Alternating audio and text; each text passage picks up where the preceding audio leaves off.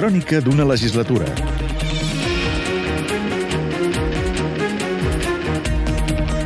El pes de les retallades.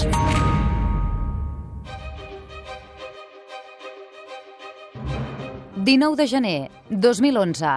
Primer ple amb Artur Mas com a president. Artur Mas demana la col·laboració de tots els partits catalans per fer front als números vermells de la Generalitat.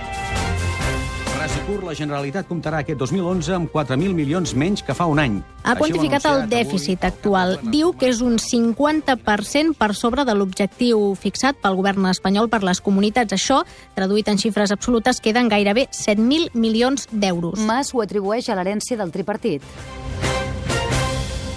La tisorada del 10% en els pressupostos del 2011 afecta sobretot infraestructures, però també suposa una davallada del 10% en polítiques de benestar, de més del 7 en educació i del 6,5 en salut.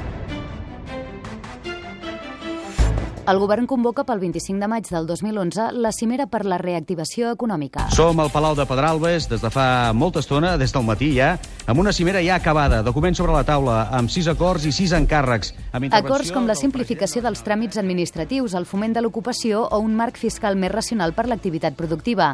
El president en surt content, però l'oposició ho descafeïna. ha estat una oportunitat mal aprofitada. Teníem temps i hi havia la voluntat política i no hem arribat a un gran acord de país per a la reactivació econòmica. Nosaltres, per tant, creiem que Catalunya no està per acords de mínims, que Catalunya necessita ja que el govern governi.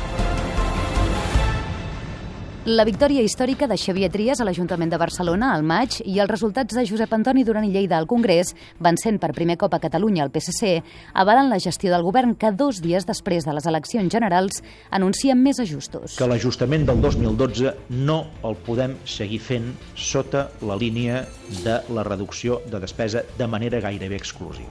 En aquest sentit, podríem dir que en alguns àmbits hem tocat fons o toquem os. Però de cara al 2012, Artur Mas assegura que continuaran els sacrificis i els ajustaments per poder complir l'objectiu de dèficit, esforços fiscals i salarials.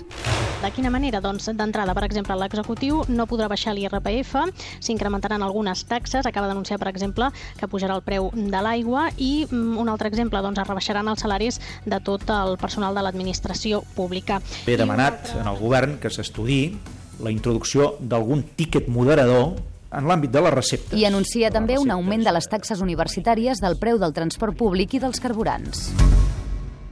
15 de maig 2012, tercera tisorada.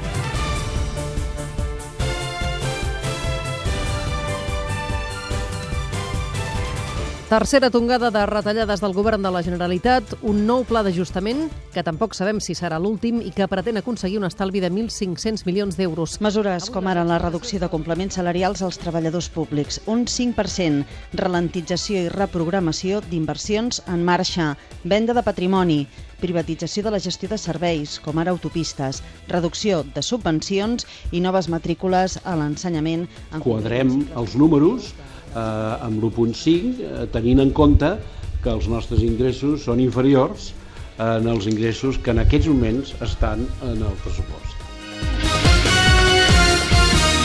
Però a l'estiu arriben noves retallades del govern Rajoy.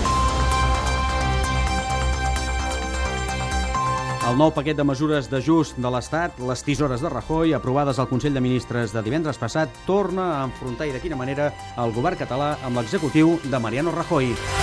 El govern anuncia que portarà davant el Tribunal Constitucional el nou paquet de mesures d'ajust de l'Estat. El govern admet que tal com estan les coses, aquesta és l'única via que tenen ara per ara per plantar-se davant decisions com aquesta. Si tu no tens poder estructural per fer-hi front d'una altra manera que aquesta, davant d'una majoria absoluta del PP i davant de l'evidència que nosaltres tenim un sistema de finançament que ens fa dependents del que decideixi en cada moment el govern espanyol. I aquesta dependència passa factura. La Generalitat ha ajornat sine dia el pagament de 112 milions d'euros a diferents ajuntaments per subvencionar les llars bressol municipals. L'ajornament d'aquest ajut a les guarderies municipals se suma a la retallada pressupostària que ja van patir a l'estiu. La Generalitat també ha tingut problemes per pagar les entitats socials i els proveïdors. Per això s'acull el pla engegat pel govern espanyol per facilitar a les comunitats saldar factures pendents. Revisió a la baixa de la solvència de Catalunya per part de les agències de qualificació. Els mercats internacionals estan tancats. Hi ha poques vies per aconseguir finançament. La Generalitat llançarà el mes d'abril una nova emissió de bons a particulars. Serviran per cobrir el venciment de l'emissió feta l'any passat, que és de 2.000 milions d'euros. I s'acceleren altres mesures, com el pla de privatitzacions, vendre edificis per després quedar-s'hi com a inquilins, pagant un lloguer però no n'hi ha prou. La Generalitat de Catalunya s'acollirà al fons de liquiditat que el govern espanyol posa a disposició de La intenció, demanar 5.023 milions d'euros. Les condicions no poden ser unes altres que complir amb els plans d'ajustos que estan aprovats i que el govern de la Generalitat doncs, ja està complint. Nosaltres no acceptarem condicions que en podríem dir polítiques. La condición fundamental es el cumplimiento del déficit presupuestario del 1,5% y, de alguna forma, ahí es donde tenemos que hacer todo.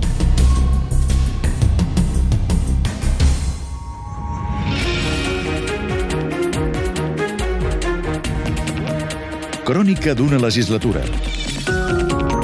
Un reportatge d'Estel Batet amb muntatge musical de Dani Expósito i Manel Bernat.